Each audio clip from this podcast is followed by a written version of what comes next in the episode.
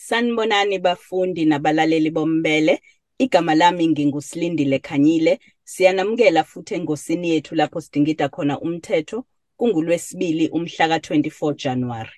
Izinhlangano zepolitiki ezingamaqembu aphikisayo eNingizimu Afrika sezisabe ngokuthi zizothathela i-Eskom izinyathelo zomthetho njengoba zikhala ngokucinywa kukagesi okulokhu kuqhubekile.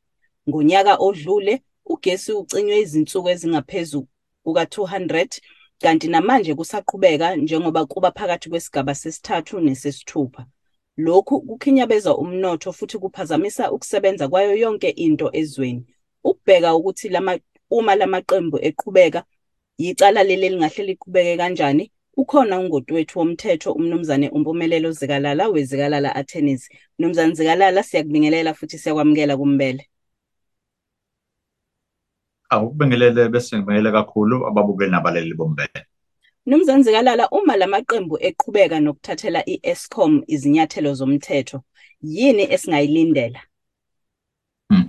Kuningi esingakulindele okokuqala ukuthola iqiniso because into yokuqala abayicelile bathi hayi akusitshene Eskom ukuthi inkinga obhekene nayo engakanani sifuna ukwazi ukuthi kungabe izimo mhlawumbe ezingaphezulu kwamandla akho noma mhlawumbe ubudedengu bakho noma ukusebenza kwabasebenzi ababekhona ngaphambilini obudala ukuthi size sifike la sifike khona njengamanje. So bathi sifuna ukwazi ukuthi ukucima kukhanyiswa kukagesi kungabe into yamasibomu yini noma yinto mhlawumbe eyenzakalile nje ngoba abantu abafuna ugesi noma ngendlela abawusebenzisa ngayo izinga noma inani labo selikhuphuke la phezulu.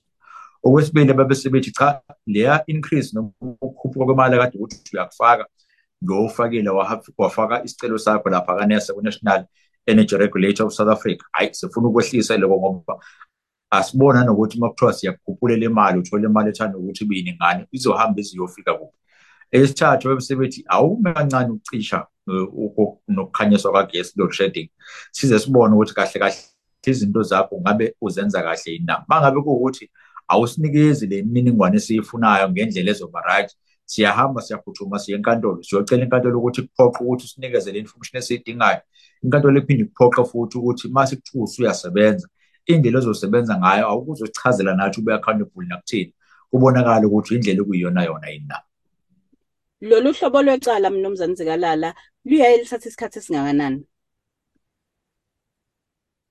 Eh lithatha isikhathi eside. Sikhumbule ukuthi ngowe-class action kufanele uqale uyi-certify la usuke ukuthi khona ucela imvume yasenkantolo ukuthi nifake icala nibe baningi. La uzophinda nasenkantolo ukuthi hhayi angiyimele mina ngedwa noma i-client yami kodwa nginabantu abaningi abeza ngemuva kwabo inkantolo ibisifuna ukwazi ukuthi ubani laba abantu okukhuluma ngabo uthi kwenzakaleni kuphi la kulimale khona. Uyitholile yini imvume ukuthi baze ngaphambili namacala abo? Uma kuthiwa sekuyakhokhwa noma mhlawumbe kuzokhwantifaya noma inani lento mhlawumbe ongayitshena ukuthi ungawina ngalo uma kuthiwa uyawina noma ukhokhele ngayo izinhlawulo lizohamba lize liyofika kuphi? Ezinye izinto lezi ey'bhekwa inkantolo inkantolo ebesithi hhayi-ke woza kuzofaka le class action othi uyayifuna. Um uma usuyifakile uze wazi kodwa ukuthi sokunikeza ama-timelines noma imigomo nemibandela ejwayelekile then ukuthi inkantolo isebenza kanjani. Then-ke bese uyaqala kuze ufaka amaphepha akho akulona-ke lelo icala elingaqala lize liphele mhlampe eminyakeni ewu-five elandelayo. Ngaze kuphele even iminyaka eyishumi la kuzodependa khona ukuthi u-escom nawo uma uthi uyayivikela yiphi izinto ey'hambisayo emaphepheni yiphi into ey'hambisayo enkantolo njengesizathu la uzothi khona ayi mina ave kuwukuthi angithandi inkosi yenkantolo ukuthi abantu ngibanikeze ugesi kodwa izimo ezingaphezu kwamandla ami. Kodwa ngifuna ukubakhumbuza ukuthi ngasayina ama-contract nabo.